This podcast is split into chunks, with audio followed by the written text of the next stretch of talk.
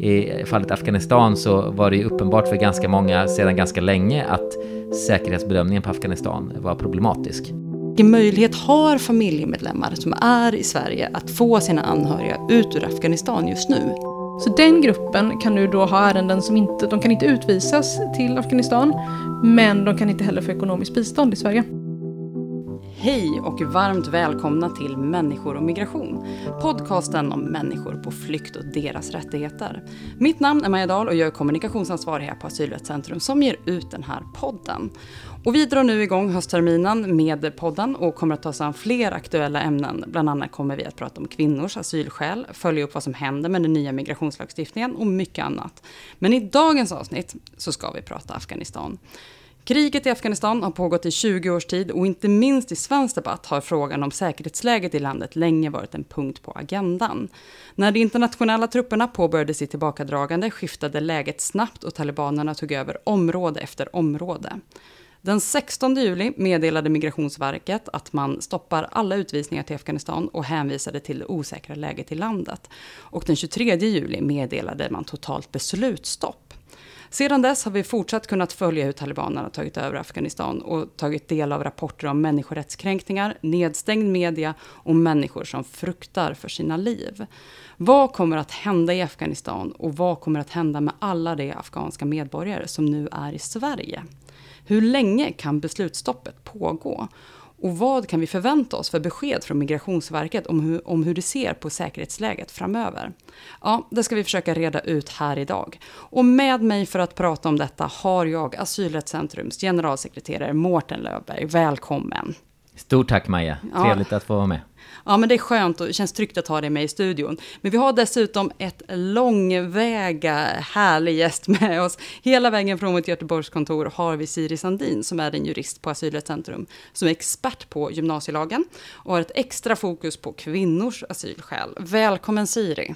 Tack Maja, det är väldigt fint att vara uppe i Stockholm första gången på över ett år. Ja. Det är väldigt, väldigt fint. Ja, vi är väldigt glada att du kan vara här. Eh, och det känns ju säker, särskilt tryggt att ha någon som kan gymnasielagen så väl och kan kvinnors asylskäl så väl nu när vi ska prata Afghanistan. Känner ni er uppvärmda för att ta er an den här stora frågan? Absolut, vi har inte pratat om någonting annat senaste tiden så att det är redo. Ja, men då sätter vi igång. För att det är väl ingen idé att eh, dra ut på det längre, utan bara hoppa in direkt in i eh, ämnet. Och jag tycker att vi börjar med det här verkställighets och beslutsstoppet som togs i juli. Vad betyder det? Alltså, är det vanligt att Migrationsverket går ut med verkställighet och beslutsstopp kring ett land så här, Mårten? Ja, eh, för att svara direkt på din fråga så är väl svaret nej. Det är inte speciellt vanligt. Eh, I, i, på senare tid så är det särskilt två eh, fall som, som jag tänker på. Det var ett beslut kring Gaza 2008 tror jag det var och 2012 för Syrien. Mm. Då man gick ut med generella verkställighetsstopp på det här sättet. Verkställighetsstopp är ju ett, någonting man kan tillämpa i enskilda ärenden och gör när, när det finns skäl. Men sådana här generella stopp är inte så vanliga. Och det är viktigt, precis som du benar upp det här, att, att sära på de två, det är två olika typer av stopp vi pratar om här, som samverkar. Det är dels stopp för verkställigheten och dels stopp för beslut i, i ärenden mm. eh, när det gäller afghanska medborgare. Och de två sakerna, eh, de behöver inte nödvändigtvis hänga ihop, men i det här fallet har man valt att göra så. Mm. Och just verkställighet är ett sånt här ord som jag tänker att ni jurister är lite mer vana vid att, eh, att använda. Medan för gemene person så kanske inte det är jättetydligt vad man menar. Vad är egentligen en verkställighet? Det är ju att en, när en person får ett utvisningsbeslut som har vunnit, som fått laga kraft, alltså att det eh, inte går att överklaga längre. Mm. Då har man ett utvisningsbeslut, så pratar man att det utvisningsbeslutet ska verkställas till ett land. Så det är den faktiska praktiska utvisningen av en person när man pratar om verkställighet. Mm. Man skulle väl kunna säga genomförande om man mm. vill prata, eh, eh, använda en annan svensk term. Mm. Och vad händer då med de här afghanska medborgarna som är i Sverige och har fått utvisningsbeslut nu, Siri? Alltså de hamnar ju lite i en limbo för tillfället. Det är det som händer. Eh, det går inte att fatta beslut i ärendena eh, och det går heller inte att verkställa vid utvisningsbesluten. Det är därför som Mårten var inne på ett framförallt beslutsstoppet är någonting som man inte gör så ofta. Mm. Och det är ju framförallt för att Migrationsverket jobbar med att fatta beslut och personer ska ju få beslut sina ärenden så, så snabbt som det går.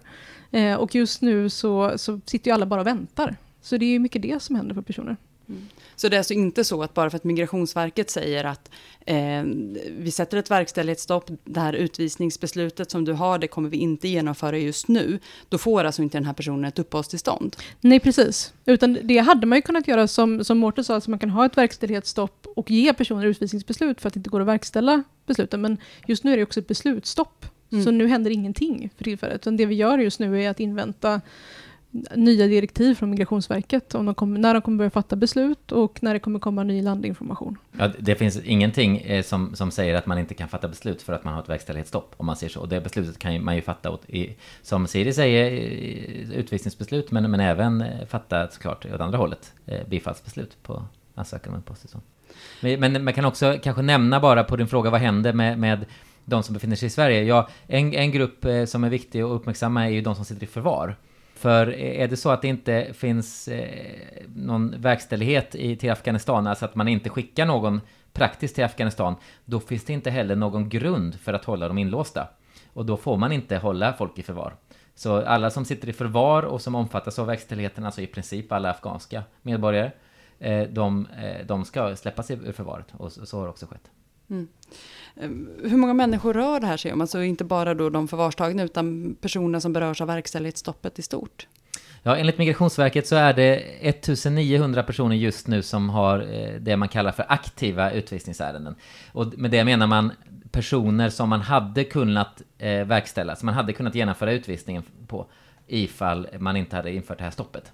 Så det, det är väl den, den snabba frågan, det är 1900 personer som inte blir eh, utvisade nu på grund av, eller inte kan utvisas på grund av, av verkställighetsstoppet. Eh, samtidigt så, så ska man säga att den siffran är ju osäker. Det kan eh, vara personer, och är med all sannolikhet finns det personer i Sverige som Migrationsverket inte känner till.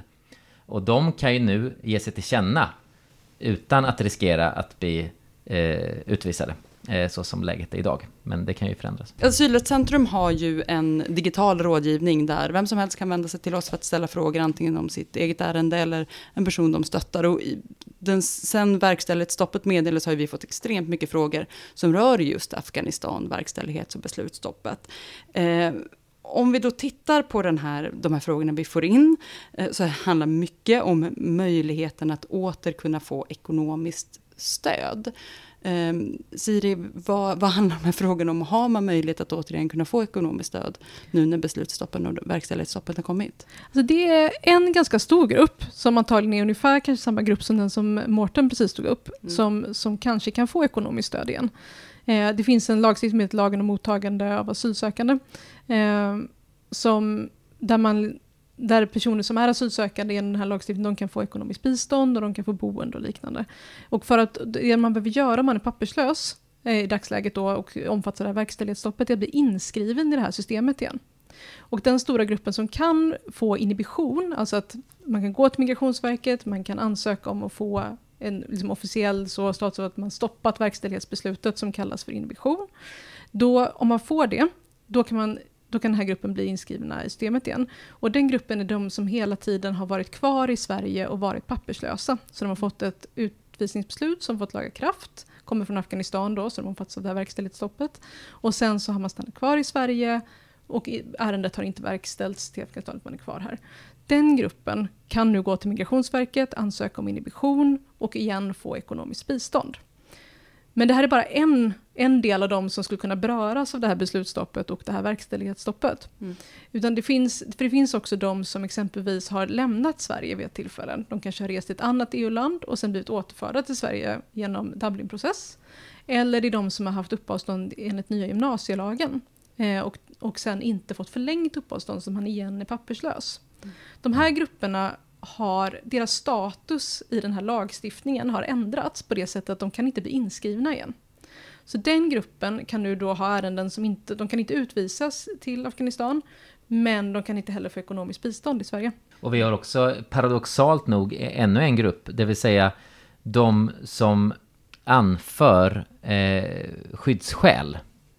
Eh, som så åberopar att det finns ett verkställighetshinder själva på grund av skyddsskäl de riskerar också paradoxalt nog att bli utan eh, möjlighet till bistånd eh, på grund av en eh, lagteknikalitet eh, som, som enligt Migrationsverkets nuvarande tolkning. Så att eh, det, det finns en hel del personer som riskerar att, hamna, att helt hamna utanför eh, eh, samhället och möjlighet till försörjning. Eh, dels ekonomiskt bistånd men också att möjligheten till bostad nekas. Eh, vilket kan vara en kanske ännu större och viktigare fråga för många. Och det, det kan vi ju också nämna att många av de som har lämnat Sverige för att åka till ett annat EU-land har ju, vad vi oftast har hört talas om, åkt till Tyskland eller Frankrike för att man har haft en högre beviljande frekvens just när det gäller afghanska medborgares asylansökningar än vad Sverige har haft. Och några av dem har ju fått stanna och har ju fått asyl, eller trots att de redan nekats asyl i Sverige så har de ändå fått stanna i Tyskland och Frankrike. Eh, och det är alltså de som kommer tillbaks nu, några av dem, och då inte åter få möjlighet till ekonomiskt stöd. Det kan vara bra för er som lyssnar att förstå, så varför har man lämnat Sverige och kommit tillbaks? Jo, det är av den anledningen. Eh, men det vi är inne på nu, alltså de här personerna som berörs av verkställighetsstoppet, några av dem kan få bistånd igen, men några grupper, då de vi har nämnt, kan inte få det. Kan de jobba då? Det enkla svaret är nej i de flesta fall. De flesta personer får inte jobba i, i Sverige.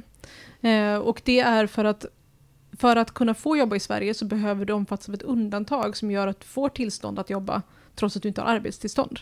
Och det är ett undantag som framförallt är reserverade för asylsökande. Så att tanken med det undantaget är att du ska vara asylsökande och under din asylprocess för att kunna jobba med integration och eh, för att kunna avlasta LMA-systemet så ska man kunna jobba under tiden. Eh, också för att asylprocessen ofta är ganska långa.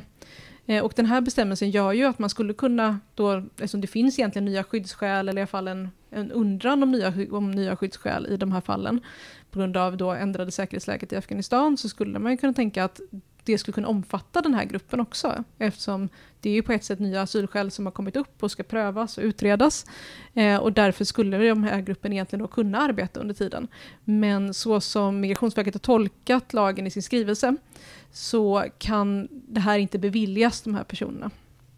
Utan det går att få bistånd men det går inte att, i dagsläget så beviljas inte rätten att arbeta under tiden.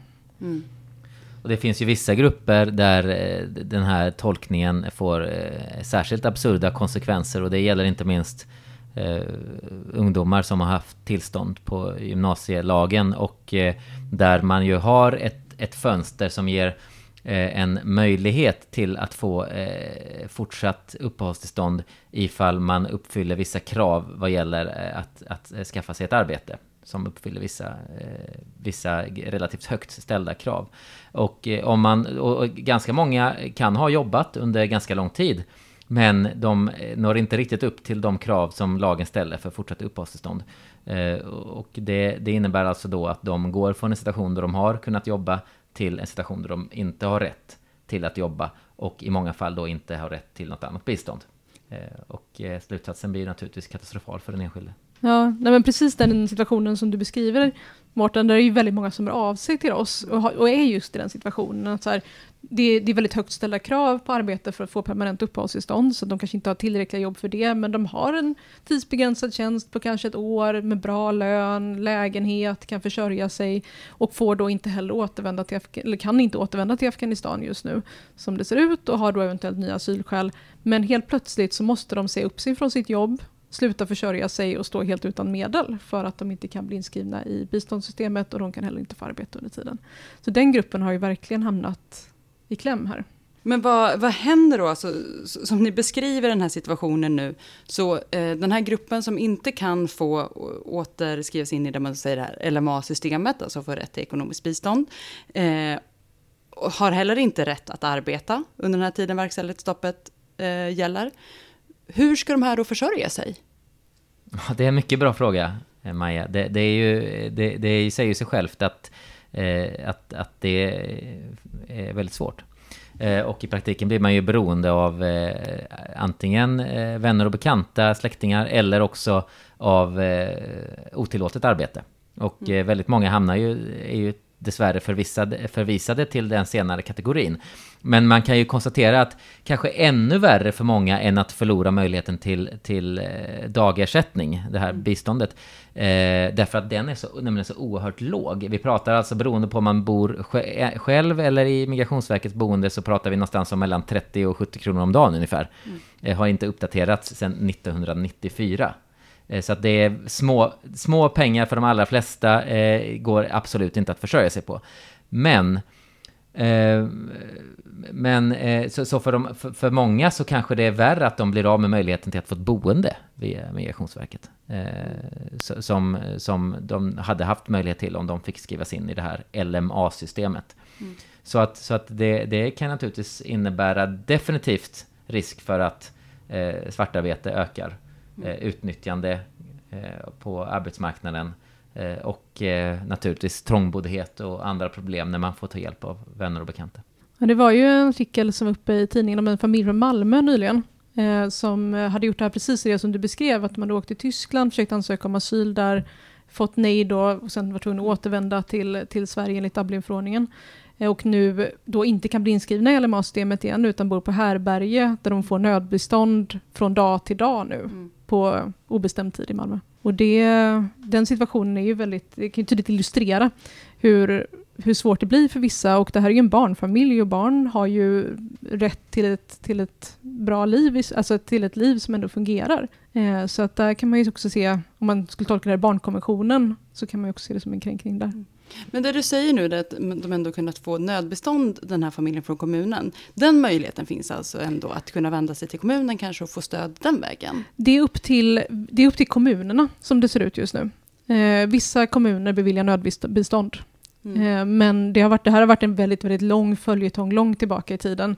Vilken möjlighet eh, papperslösa personer har när det kommer till rätt att få bistånd. Och det är mycket, det kom ett ett, avgörande från Högsta förvaltningsdomstolen för ett tag sedan i det här också. Och där, efter det så har det väl landat på helt enkelt kommunalt bestämmande kring möjligheten att framförallt få nödbistånd. Mm. Det är där. Men försörjningsstöd ser vi i stort sett aldrig att någon får. Och jag tänker, där har ju vi ringt runt lite och kollat med kommunerna och sett om de har en, märkt av en ökad andel personer med afghansk Eh, medborgarskap som då omfattas av det här verkställighetsstoppet som vänder sig till kommunerna för nödbistånd. Och vet att i alla fall Göteborgs eh, kommun hade märkt av en ökning. Eh, Siri, du som kommer från Göteborg, varför har man märkt av det just i Göteborg? Så det är ju väldigt, väldigt många som, som papperslösa som bor i Göteborg. Det har ju märkts hela tiden. Det har funnits väldigt många starka sociala rörelser. Det finns många som, som hjälper de här grupperna för man ser att det är många som, som befinner sig i området. Så jag kan tänka mig att det är en förklaring. Um. Sen är det ju väldigt många i Göteborg som, som just har haft uppehållstillstånd på nya gymnasielagen. Det har ju varit en, en ganska stor procenthalt av de som fick uppehållstillstånd på grund av gymnasiestudier då, i samband med den lagstiftningen. Eh, stor procentdel bodde i Göteborg. Och där ser vi också att så här, det är ju många som tyvärr inte har klarat studierna nu under covid och liknande. Och Eh, och kanske då inte kunnat få förlängt uppehållstillstånd eller inte fått permanent uppehållstillstånd i slutet. Sen ser vi som, som tur är att det är jättemånga som också lyckas eh, uppnå kraven och klara utbildningen och få permanent uppehållstillstånd. Men det är ju det är många som, som också har mått dåligt nu. Också på grund av alla anledningar för att man har flytt och så vidare. Eh, så det är många som inte klarar sig. Och den gruppen blir, kan ju inte bli inskrivna i LMA-systemet, de kan ju inte få ersättning. Mm. Jag tänker Mårten, nu vänder jag mig till dig för siffror igen. Mm. Men har vi någon bild av hur många det är som har nekats att återskrivas in då i det här LMA-systemet, alltså få möjlighet att få ekonomiskt stöd? Ja, Migrationsverket uppgav, men den siffran är ju inte helt eh, dagsfärsk. Mm. Men ett tag tillbaks, då, då var det 226 personer som hade sökt och nekats den möjligheten. Men då ska man ha klart för sig att dels var, eh, ligger den siffran en bit tillbaks i tiden, det kan ha blivit betydligt fler, men dels så är det ju så att ifall du är medveten om och får besked om, kanske på en direkt fråga, att, att det är någon poäng att ansöka om, eh, om detta, eh, och får beskedet att det inte är någon poäng, då kanske du inte heller ansöker. Mm. Eh, och därför så, så kan man väl utgå ifrån att det finns ett stort mörkertal där. Mm. Och, när du säger att siffran är inte riktigt dagsfärsk, ska vi också kanske säga att dagen då vi spelar in är den 8 september. Så att det är lite beroende på när man lyssnar eh, på det här, så kan den vara ännu mer daterad så att säga. Eh, men då, som vi har pratat om, alltså, enligt de siffror som vi har fått från Migrationsverket, i stort så handlar det om ungefär 1900 afghanska medborgare som har ett aktivt utvisningsbeslut och som är i Sverige just nu som påverkas av det här verkställighets eh, och beslutsstoppet.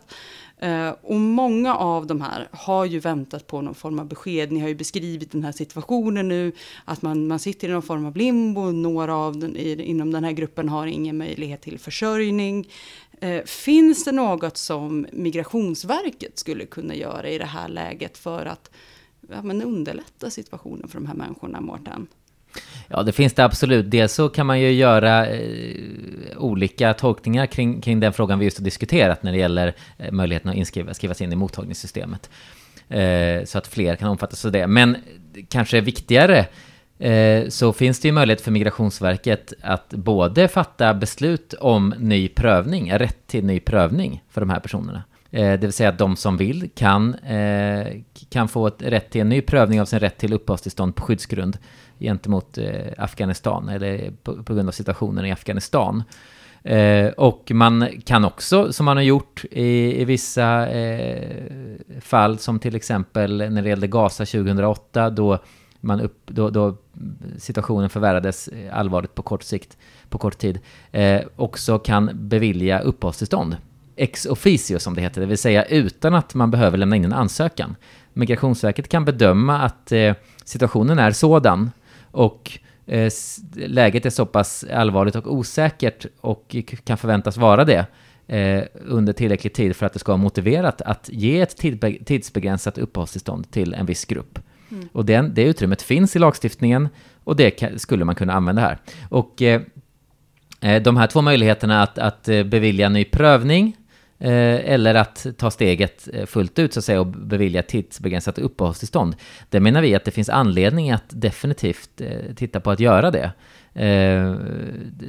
Särskilt ju längre tiden går, ju fler människor som hamnar i osäkerhet och sin situation i Sverige på olika sätt och ju svårare och mer oförutsägbar situationen förefaller vara i Afghanistan, eh, desto orimligare blir det att avstå från att fatta sådana beslut. Mm. Utan ett minimum vore naturligtvis att man ger möjlighet till att, att pröva skyddsbehov på nytt och eh, allra helst eh, tycker vi att det finns anledning att, att fatta beslut om att ge tidsbegränsade uppehållstillstånd. Och det här kan jag nämna också, det, är, det här är två krav som vi framför i en debattartikel som eh, vi kommer komma ut med i dagarna i, i Svenska Dagbladet. Eh, där vi argumenterar just för det här och eh, orimligheten som blir värre ju längre tiden går, att man förhåller sig passiv eh, och avvaktande till den här situationen. Det finns ju många när man pratar om den här gruppen som just nu förespråkar en amnesti. Det, det, har ju varit uppe på agendan, skulle man nästan kunna säga, i omgångar egentligen när det gäller de här personerna från Afghanistan. Jag vet att Asylrätt, eh, Asylrättscentrum inte förespråkar amnesti. Varför eh, tycker vi inte det är en bra idé? Ja, det är en jättebra fråga att, att, att ta upp, därför att det första som vi vill ha sagt, det är att vi som organisation som jobbar för mänskliga rättigheter och rättssäkerhet i migrations, på migrationsområdet, vi eh, sympatiserar naturligtvis i stor utsträckning, har stor förståelse för eh, bakgrunden till det kravet som finns på amnesti. Att, de, att eh, utvisningar i nuvarande situation till Afghanistan vore helt orimliga och att befinna sig i limbo i längden i Sverige likaså. Däremot så, så ser vi inte att amnesti är det bästa, eh, den bästa lösningen just idag eftersom vi har en situation då eh, möjligheterna i den ordinarie rättsordningen, om man säger så, inom, lagen för, inom ramen för existerande lagstiftning inte är uttömda. Utan som vi precis konstaterade, det finns möjlighet inom ramen för den lagstiftning vi har idag att både bevilja ny prövning Eh, av skyddsskälen eh, gentemot Afghanistan och att faktiskt bevilja uppehållstillstånd på den grunden. Så vi, eh, vi, och en amnesti, det ska också sägas att det är väl lite oklart vad man egentligen menar med amnesti. Olika personer menar olika saker. Men i Sverige har det ofta betytt att man ska fatta en, alltså anta ny lagstiftning, lite mer ad hoc-basis, för en viss grupp under en viss tid. Och eh, vi ser inte behovet av eh, en sån lagstiftning idag eftersom la lagstiftning redan finns som kan tillgodose det behovet. Och eh, man kan väl se att det finns en rättssäkerhetsproblematik också i ett krav som, eller i en ordning som utgår från att man ska definiera vilken grupp och under vilken tid och av vilket skäl som ska omfattas av ett specie, specie, specialt regelverk. Eh, varför just den gruppen, varför just då och, och inte någon annan grupp och någon annan gång? Eh, det blir en, en, problematisk avvägning som kan eh, vara eh, tydligt problematisk ur rättssäkerhetssynpunkt. Så därför så landar vi i att ja, vi har stor förståelse för, för vad som ligger bakom kravet, men vi ser att den ordinarie rättsordningen vi har i Sverige faktiskt ger utrymme för att fatta sådana beslut.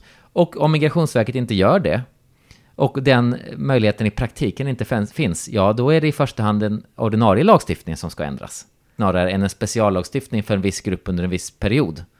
Eh, därför att annars riskerar vi att få ett, sammelsurium av pusselbitar av olika lagstiftningar för olika grupper och en, en eh, brist på konsekvens och likabehandling i, i vårt migrationssystem.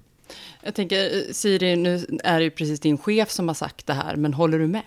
jag, jag måste, ja, även med, den, med de orden så, så måste jag faktiskt säga att jag håller med. Och om de, som den lite mer lagnördiga här kanske, så vi pratar ju, jag pratar ju väldigt gärna om förutsägbarhet i en lagstiftning. Mm. Att så här, om man ska kunna titta på en lagstiftning och se vilka den omfattar, som, som Mårten också var inne på, vilken behandling man kommer, alltså vad, vad lagen kommer pröva på, på vilket sätt. Eh, och om man har amnesti med, med viss, antingen man har med, det kan ju vara förutsägbart att man har det var femte år eller så, men det skapar ju en helt annan typ av problem. Eh, men det som är riktigt, riktigt bra, det är att ha en lagstiftning som, där alla vet att man kommer få en bra prövning av sina asylskäl, att alla alltid har rätt att få sina asylskäl prövade. Och att de som, som har asylskäl ska få uppehållstillstånd. Det är ju det som, som är bra, viktigt att bygga upp. Och sen, som Mårten också var inne på, är all förståelse för att den här gruppen Alltså den här gruppen som, som berörs nu har ju blivit, de är, det är väldigt många som har varit här väldigt länge i Sverige. Vi ser ju som sagt nu många barnfamiljer som, de, det har inte, heller inte gått att verkställa barnfamiljer med tvång till Afghanistan, så många av de som är här nu med utvisningsbeslut är ju barnfamiljer. Um, och då många kom som ensamkommande, det har gått jättemånga år. Jag förstår verkligen att, samhäll, att många i samhället vill se ett amnestiförslag, men det som jag helst vill se i egenskap av jurist, det är ju en lagstiftning där alla hela tiden får en bra förutsägbar prövning. Men jag tänker också, det finns ju en till aspekt som är opinionsaspekten av frågan. Så antyder ju ofta en amnesti också att nu gör Sverige någonting snällt. Vi gör ju någonting utöver det vanliga och det du, som du har sagt nu Mårten, och som du också är inne på, liksom att det finns inom inom lagtexten så som den ser ut idag, inom utrymmet som det ser ut idag, så bör de här Eh, ärendena prövas alltså och man bör se på om de faktiskt inte har asylskäl. Så att ge den här gruppen amnesti kan i själva verket kanske signalera gentemot allmänheten att nu gör vi någonting som vi inte behöver. Precis Maja, vi, vi kan ju inte acceptera en ordning som inte klarar av att hantera situationer då vi har en, en snabbt förvärrad situation i ett land. Eh, och eh, där, eh, så att säga, människor eh, riskerar att utvisas på godtycklig grund utan att deras skyddsbehov på ett rättssäkert sätt utreds och eh, beslutas kring. Eh, så att vi blir tvungna att på ad hoc-basis fatta speciallagstiftning för olika grupper. Ja, men då, då lever vi ju inte upp till själva grundkraven i asylrättens andemening. Eh, utan vi, vi, istället så tycker jag vi kan förvänta oss av den svenska migrationslagstiftningen och eh, skydds, eh, de skyddsgrunder som finns eh, för uppehållstillstånd, att de ska klara av att fånga upp den här situationen. Och det återstår att se nu ifall de gör det. Eh, men det tycker jag vi ska räkna med. Och gör de inte det, ja då befinner vi oss i ett allvarligt läge. Och då så eh, finns det all anledning att kräva att, den, att lagstiftningen ändras permanent. Mm. Eh, och inte bara på ad hoc-basis i en så kallad amnesti. Mm. Och det du är inne på nu, här är så här, hur kommer man då att fånga upp de här, eller hur kommer man göra de här bedömningarna framöver? En sak som vi alla går och väntar på för att se hur Migrationsverket kommer göra de här bedömningarna, det är ju Migrationsverkets rättsliga ställningstagande för Afghanistan. Eh, vi väntar på det just för att se hur de ser på säkerhetsläget för att kunna göra sina framåtsyftande bedömningar som man då gör vid asylprövningar. Siri, när kommer det rättsliga ställningstagandet? Det undrar jag också, Maja.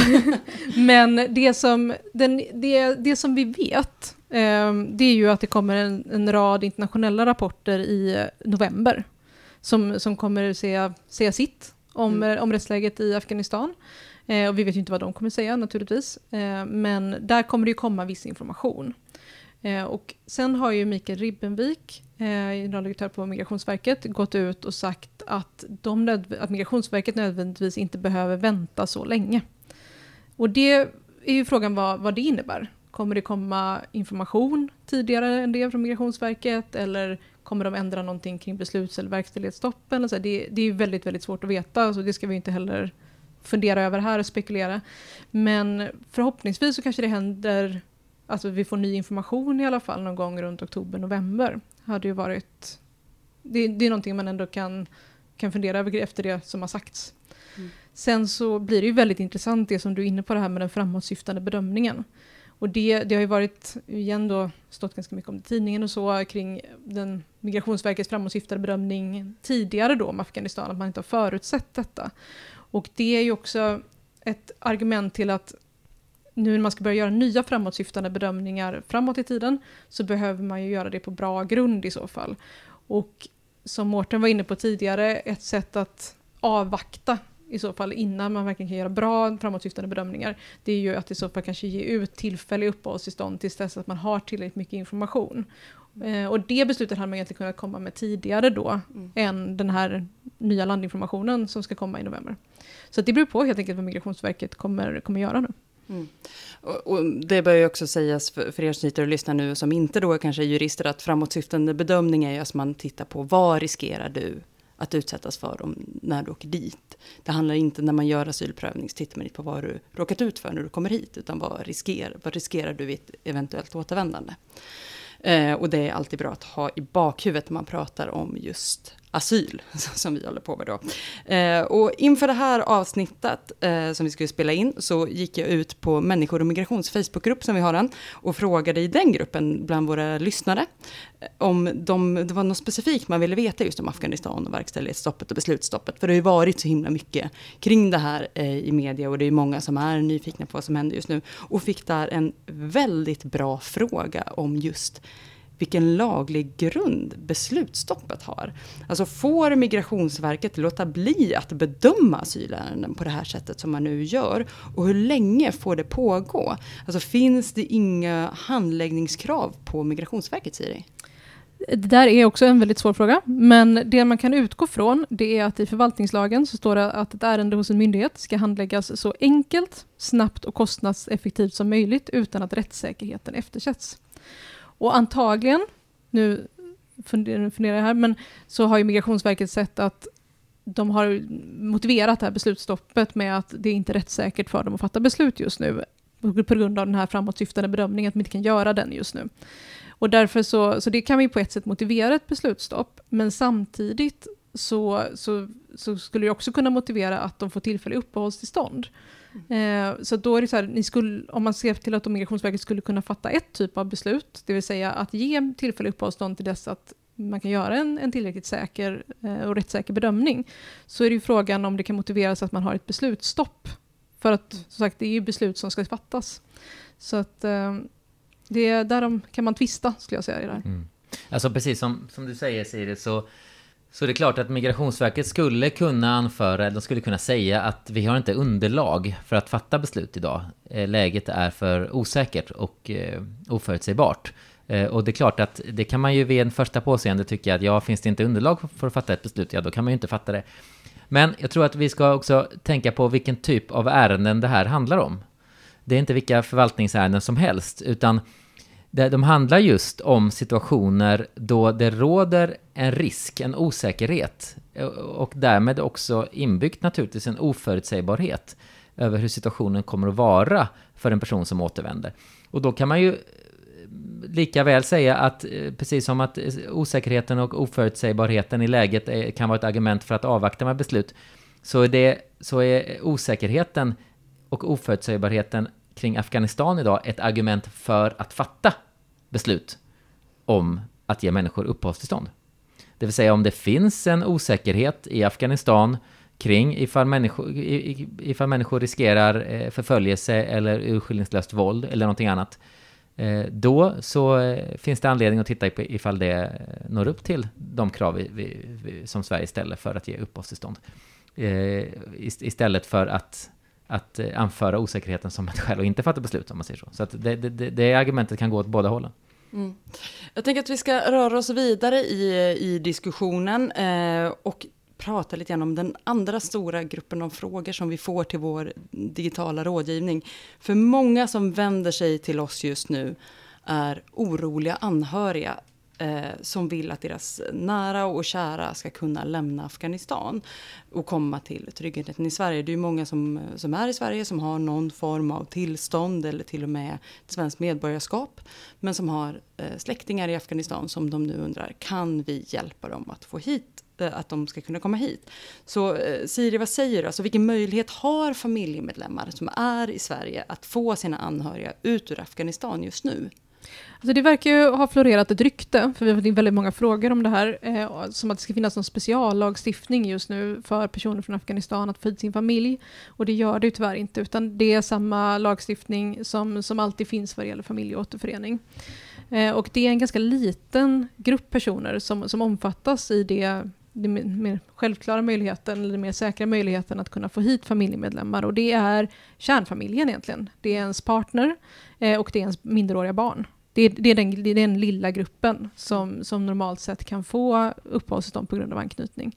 Så att så här, äldre släktingar, eller föräldrar till vuxna personer som befinner sig i Sverige, eller syskon till personer. Så här, den, de grupperna, det ska till väldigt speciella omständigheter för att de ska få komma hit. Eh, så att där det får vi också väldigt, väldigt många frågor om tyvärr. Mm. Och det är också för att många som kom hit till Sverige kanske kom hit som ensamkommande men kanske, och sen har blivit vuxna. Eh, och nu vill de kanske ha hit sin familj då, som för att familjen sitter väldigt illa till i Afghanistan eller så. Mm. Och det är ofta väldigt svårt. Um, så det, det är liksom det första problemet, att det är en ganska liten krets som omfattas. Och sen är ju det andra stora problemet just nu, är så här, kan man ens ta sig från Afghanistan? Eh, hur, och kan man ta sig till ett annat land för att kunna göra intervjuer på ambassaden? Och sen är det också extremt långt handläggningstid. Det har länge varit runt kanske två års handläggningstid på, på anknytningsärenden. Och covid har ju inte hjälpt det heller. Så att det, det är en jättesvår process. Och som sagt, vi vet ju inte ens om personer kan ta sig ut ur Afghanistan just nu. Mm. Precis, bara för att fylla på det. Alltså för att kunna söka uppehållstillstånd eh, på grund av anknytning till Sverige så måste man alltså ansöka utifrån man, det kan man inte göra på plats i Sverige och du måste göra det no, från en plats där du har rätt att vara. Och, eh, det, det, och eh, det går inte att göra idag i Afghanistan eftersom Sverige inte har någon ambassad och även när vi hade det så tog vi inte emot den typen av ansökningar där. Så man måste alltså i praktiken ta sig ut till ett, en annan plats, ett annat land där man har rätt att vara som afghansk medborgare. Eh, så att det är ett två problem, dels att ta sig ur Afghanistan, dels att ta sig in i ett annat land på ett lagligt sätt och därifrån ansöka om, eh, om tillstånd eh, eh, för att få komma till Sverige. Så det är en, för de flesta en nästan omöjlig operation. Men får jag också bara, en annan sak, jag tror att, som man kommer tänka på när Siri berättar om, om att hon får många frågor i vår rådgivning som, som handlar om, får vi ta hit våra syskon och mormor och farmor och faster och sådär. Jag tycker att det vittnar om kanske att vi har haft lite grann under senare år särskilt en mytbildning i Sverige som, eh, som har skapat en bild av, eh, inte minst från politiskt håll, av att, att eh, anhöriginvandring innebär att vem som helst kan komma hit och det var svängdörrar in i Sverige innan vi antog den nya lagstiftningen eh, 2016 eller den tillfälliga lagstiftningen och så.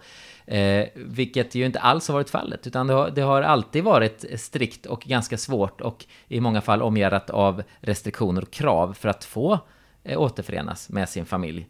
Eh, och, eh, och även för andra typer av tillstånd. Det de, de, de, de, har, de har krävt att man uppfyller ganska strikta krav och det gäller som Siri berättar om en, li, en liten grupp bara som av de absolut närmaste anhöriga. Har ett barn fyllt 18 år, säg att det är en familj med, med några minderåriga och så är det ett barn som just har fyllt 18, nej tyvärr, då omfattas de inte. Även om de, de kanske är beroende på många sätt och har bott i, i, i samma hushåll, förutom i vissa undantagsfall. Ehm, men det, det är väldigt sällsynt. Så att det, det har varit en, en svår situation som nu har blivit ännu svårare för väldigt många. Jag tänker att en annan fråga som också dyker upp är ju då från personer som vill kunna få hit sina anhöriga, är om man kan få in deras anhöriga i ett form av kvotflyktingprogram. Går det? Och hur gör man då i sådana fall, Mårten? Ja, eh, det är också en viktig fråga eh, som vi har diskuterat en hel del på senare tid. Alltså det är ju så att kvotflyktingprogrammet, eller det som det egentligen heter, vidarebosättningsprogrammet, eh, som alltså bygger på att Sverige som FN-medlemsland har ett avtal med UNHCR, FNs flyktingkommissariat, flyktingorganisation, eh, om eh, att ett visst antal personer så att säga ska kunna gå förbi den, den, den, den vanliga gången att ta sig ta sig till Sverige och ansöka om asyl och eh, få, eh, alltså bedömas redan på plats. Eh, och sen kunna få ett, ett, en möjlighet att, att flytta till Sverige, ta sig till Sverige på laglig väg och få uppehållstillstånd här.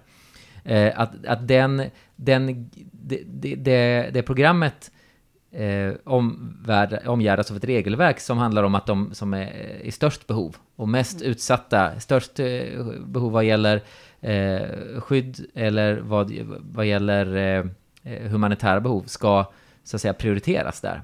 Eh, och därför normalt sett går det till så att UNHCR så att säga har en, ett, ett förurval som sen presenteras för Sverige som, som avtalspart.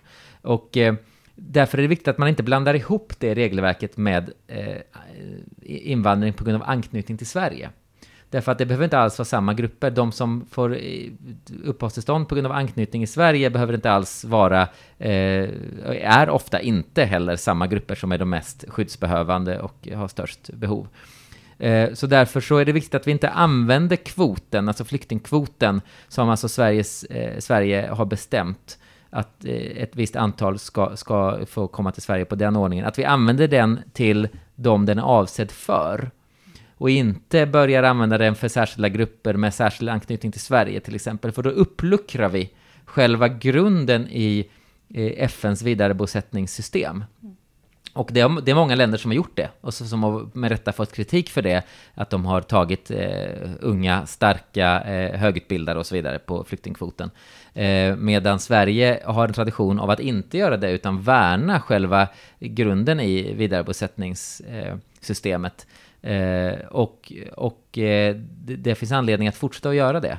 Eh, tror vi. Så att vi varnar för en sån eh, sammanblandning. Eh, och eh, vi måste se till att vi har möjligheter för eh, anknytningsinvandring och familjeåterförening till Sverige utan att behöva använda sig av kvoten. Men vi kan också konstatera att det är ganska lockande, som vi har sett när det gäller tolkar och, och ambassadanställda, det är ganska lockande för politiker att hänvisa till kvoten. Därför att vi har ju en rättsordning i Sverige där eh, det, det enda området där det egentligen finns ett politiskt inflytande över antalet personer som vi ska ta emot, det är flyktingkvoten. I alla andra fall så är det ju så att, att det är eh, Migrationsverket och domstolarna i, i sista hand som, som bestämmer om på individuell basis om någon har rätt till uppehållstillstånd. Eh, men när det gäller kvoten så kan riksdagen och regeringen bestämma över det och därför blir det lockande att använda sig av det. Och eh, eh det finns en risk där. Men vi som ideell organisation kan inte gå in och se till att någon hamnar i programmet? Nej, det kan vi inte göra. Inte mer. Alltså, eh, hamna i programmet innebär att man normalt sett i första hand behöver bli identifierad av UNHCR. Eh, och eh, vi är ju så att säga inte operativt verksamma eh, utanför Sverige. Eh, så att det är svårt för oss att, att visa på det. Men i så fall så finns det organisationer på plats eh, i, i områden i flyktingläger till exempel som är betydligt bättre eh, upparbetade i sina relationer med UNHCR på plats och kanske kan hjälpa till att förmedla en sån kontakt. Men det är ju UNHCR i första hand man måste vända sig till. Eh, jag går till den liksom, sista stora gruppen av frågor som vi har fått just när det gäller personer som befinner sig i Afghanistan i, då, i vår digitala rådgivningar. Och, och det är ju den gruppen människor som Sverige har utvisat till Afghanistan de senaste åren. Sverige har ju ändå genomfört och verkställt, som vi nu har pratat om vad det innebär, utvisningar till Afghanistan. Eh, kan Sverige göra någonting för de människorna som vi har skickat till Afghanistan? Och har vi något ansvar gentemot dem, Mårten? Ja, kan kan vi säkert, men vill vill vi nog inte, om man ska mm. sammanfatta. Alltså, jag tycker den senaste tidens storskaliga evakueringsoperation eh, från eh, Kabuls flygplats visar väl att inte bara Sverige, utan västländer i största allmänhet kan göra ganska stora insatser för att undsätta personer Eh, som de anser är skyddsbehövande, ifall de vill. Eh, och ifall förhållandena medger det. I just i, dag, i dagens läge så, så är det väl eh, mer komplicerat, även om viss evakuering fortfarande eh, genomförs. Eh, amerikanerna till exempel hade ha, evakueringar som fortfarande håller på.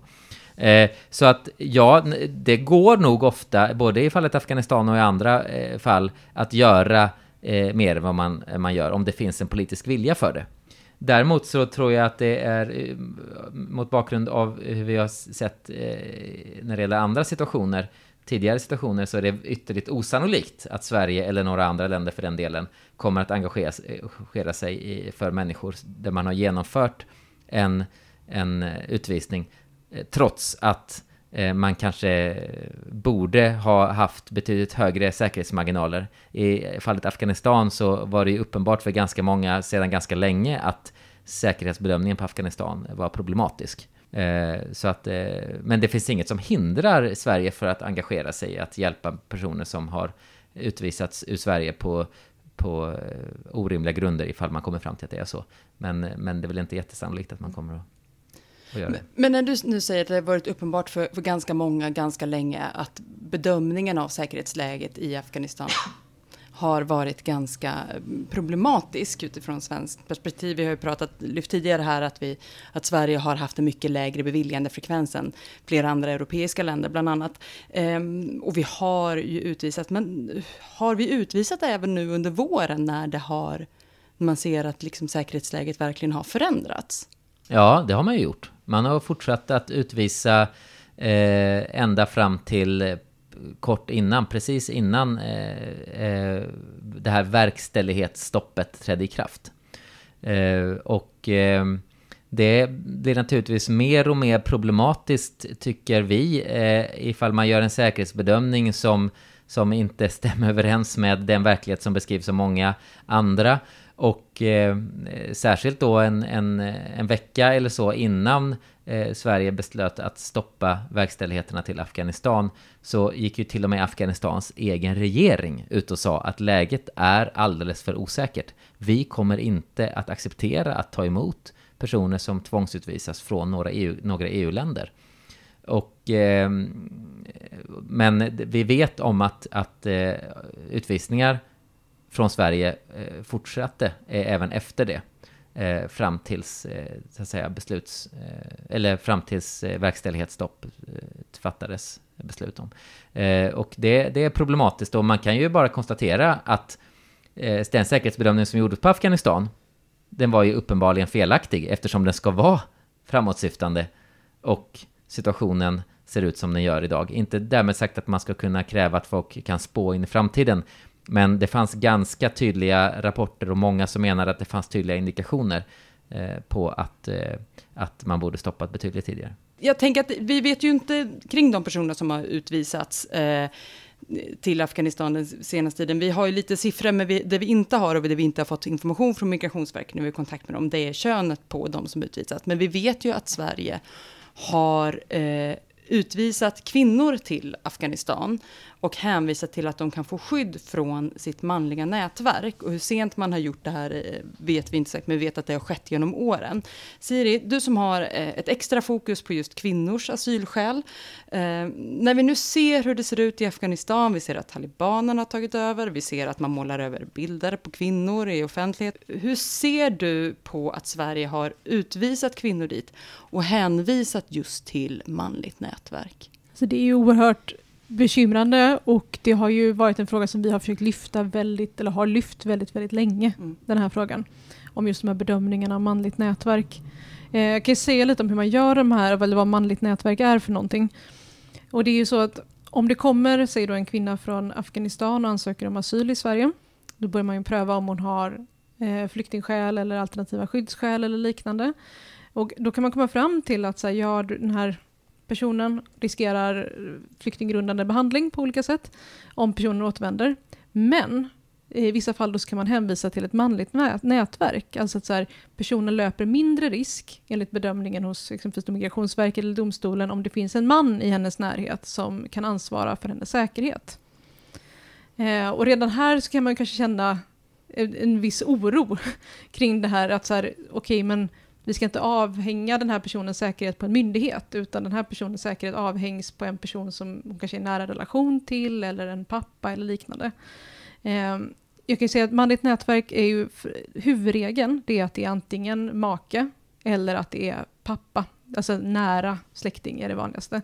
Men då också att det, det har också använts och vidgats till att vara så här farbröder, syskon, liknande. Men andra så är män i en kvinnas närhet som kan som kan hjälpa till då att hon, att hon inte ska utsättas för skyddsgrundande för, för behandling på olika sätt. Och det finns ju naturligtvis problem med de här bedömningarna, just där som jag var inne på, att så här, det här är en person som det här ansvaret ligger på, det är inte en myndighet eller liknande, utan det, där i finns ju en stor säkerhetsrisk liksom, för personen. Eh, men om man då tittar på Afghanistan redan innan talibanerna tog över nu, så, så finns det siffror från, som finns med i Migrationsverkets landinformation från 2018 om att som kom från FNs befolkningsfond som uppskattar att 87,2 procent av landets kvinnor har utsatts för fysiskt, sexuellt eller psykiskt våld eller tvångsäktenskap under sitt liv. Så det är nästan 90 procent. Så det är ganska hög presumtion på att man kommer kunna utsättas för någonting som skulle kunna vara att jämställa med tortyr eller liknande. Och det är ju flyktinggrundande. Och vi vet ju att den här typen av våld förekommer ju i hög grad i nära relationer. Och det är ju den här nära relationen som är personens manliga nätverk. Så att redan där så ser vi ett väldigt stort problem.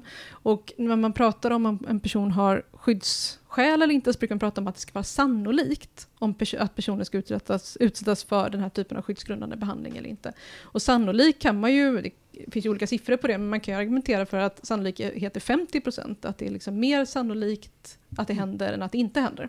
Och om då risk, alltså nästan 90 procent av Afghanistans kvinnor utsätts för det här och då ofta i nära relationer och av de personerna som då ska vara personens nödvändiga nätverk, så ser vi att det finns en ganska hög sannolikhet att det kommer hända. Och då måste ju Migrationsverket och domstolarna gå in och göra en väldigt noga bedömning i de här ärendena för att se att det här manliga nätverket väldigt, verkligen är ett manligt nätverk, där den här personen verkligen kommer utgöra den här typen av skydd. Att den här personen inte är förövaren eller någon som i alla fall inte skyddar i det. Och det vi har sett i realitet rätten sen då i många beslut som har kommit in till oss, det är ju att så här, en ensamstående mamma med åtta barn hänvisas till en farbror som hon inte träffat på tio år i en stad hon inte kommer ifrån eh, som manligt nätverk. Just den typen av beslut har jag sett. Mm. Eh, och, och det här händer inte bara en gång utan ganska ofta. Och om man då ser på den framåtsyftande bedömningen för de här kvinnorna nu och framförallt i ljuset det som hänt nu i talibanernas, att talibanerna har tagit över, då ser det ju verkligen inte bra ut. Det ser ut som att många antagligen kommer att göra en jätte, jättestor risk. Och det här är ju någonting som vi verkligen vill att vill se sen i Migrationsverkets nya landinformation när det kommer, att så här, och rättsliga ställningstagande, att det här är någonting som man verkligen tar in och bedömer, för att här har vi sett många alarmerande ärenden tidigare. Och för de kvinnor som nu är utvisade så finns det inte så mycket att göra? Nej, då är det bara att hoppas att det manliga nätverket eh, fungerar. Mm. Men som sagt, det är, oddsen redan innan talibanerna tog över var ju inte jättebra där. Så att det är nog jättemånga som är i väldigt allvarlig situation. Jag, jag kan inte annat än att instämma där. Och jag tycker att för, för, för, för många som, som befinner sig eller hamnar i den stationen som Siri beskriver så, så, eh, så är det naturligtvis absurt att, att eh, Sverige idag resonerar utifrån så kategoriska och gammaldagsa termer. Eh, och jag tycker att att det avspeglar lite grann. Ofta hör man när, när det handlar om krigssituationer och skyddssituationer och så att ja, oskyldiga kvinnor och barn brukar man hänvisa till. Mm. Eh, det, det, det, här kan, alltså det här, det, de här otidsenliga, gammaldags sättet att, att resonera kring könsroller och, eh, de riskerar att, att för både män och kvinnor så att säga bli eh, eh särbehandlade på ett negativt sätt. Jag tänker i, i, de flesta krig till exempel så, så är ju en stor del av offren är ju uttvingade 18-åriga pojkar. Eh, och det eh, finns då någon form av allmän konsensus kring att det är inte så allvarligt att de stryker med. Eh, däremot är det synd om de här eh, o, andra oskyldiga, inom citationstecken. Och överhuvudtaget det sättet att resonera kring kvinnor och män och olika roller då vissa ska omhändertas eh, eh för, för, för, att de ska vara säkra och andra ska så att säga eh, eh, ja, kan, kan man räkna med att, att, att, eh, att det hör till det normala.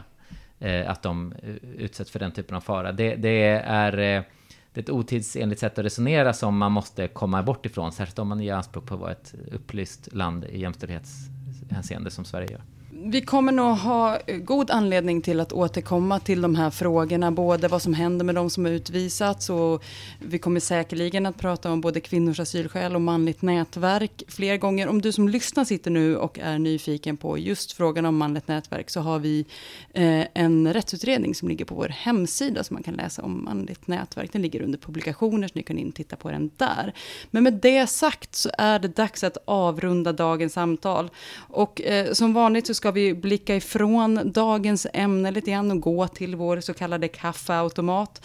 Där vi då står och diskuterar om vad som kommer framöver. Och jag tänker vi står inför en, en höst en, eh, med en helt ny generalsekreterare på plats. Välkommen Mårten. och vi har en massa nytt framför oss.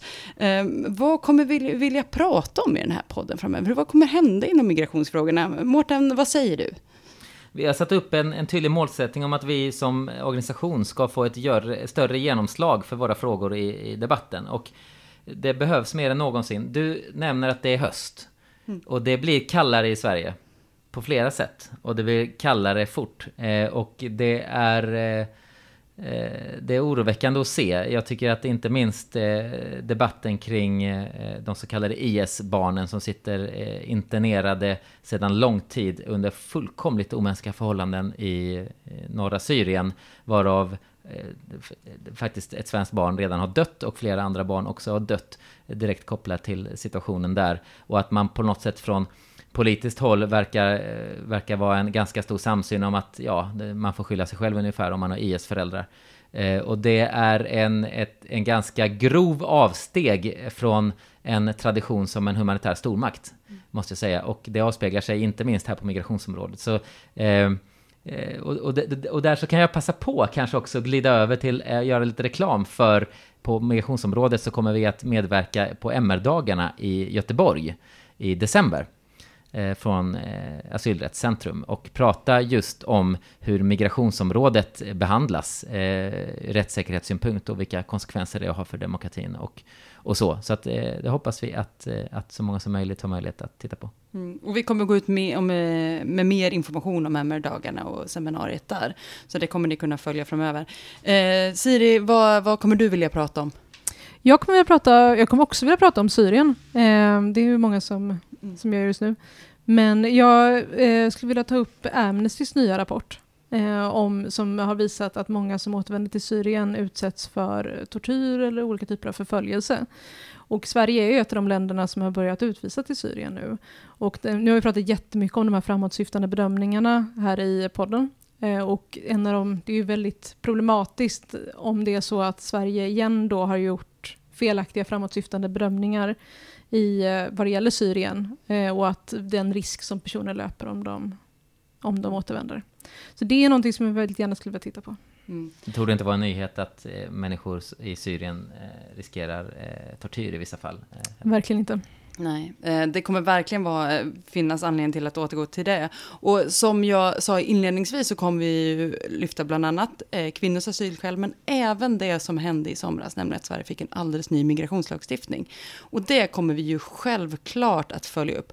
Både att förklara lite grann vad den innebär, men framför allt att titta på just den här nya humanitära grunden. Det kommer vi verkligen behöva gå igenom och diskutera och vända och vrida på.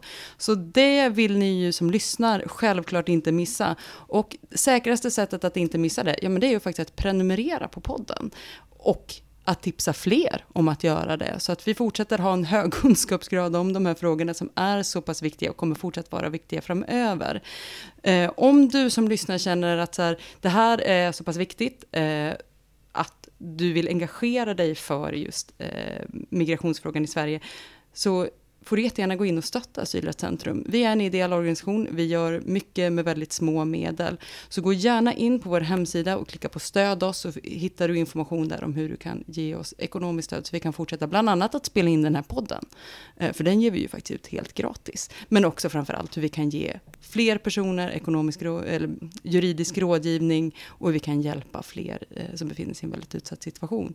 Men det jag sagt, har du kommentarer eller frågor från dagens avsnitt så kom, eh, kan du alltid vända dig till oss på Asylcentrum. Antingen så gör du det genom att gå in på Asylcentrum och klicka på kontakta oss så hittar du direkt, direkt kontaktväg där. Du kan twittra till oss på Twitter och det gör du på sveref-org eller så går du in på människor och migration på Facebook och där kan ni diskutera dagens avsnitt, ställa frågor, kommentera eh, och gärna tipsa andra om att följa och lyssna på podden där. Med det sagt Dags att avsluta dagens avsnitt. Tusen tack Siri Sandin, vår expert på gymnasielagen och extra fokus på kvinnors asyl och skäl här på Asylrättscentrum. Tack så mycket Maja. Tack för att du kom hela vägen från Göteborg, det är vi nöjda med. Det gör jag så gärna flera gånger. Oftare nu till våren eller hösten. Ja, det hoppas jag att vi får se dig oftare här. Och tusen tack Mårten Löfberg, vår nya generalsekreterare på Asylrättscentrum. Stort tack Maja, alltid lika kul. Ja. Sveriges bästa migrationspodd. Det, det, är ju det vi har. Vi är en av de få, men vi är framförallt den bästa. kanske sträck, Nordeuropas främsta. Ja, säkert. Vi, vi säger det, vi säger det. ha det så bra du som har lyssnat och så hörs vi igen om några veckor.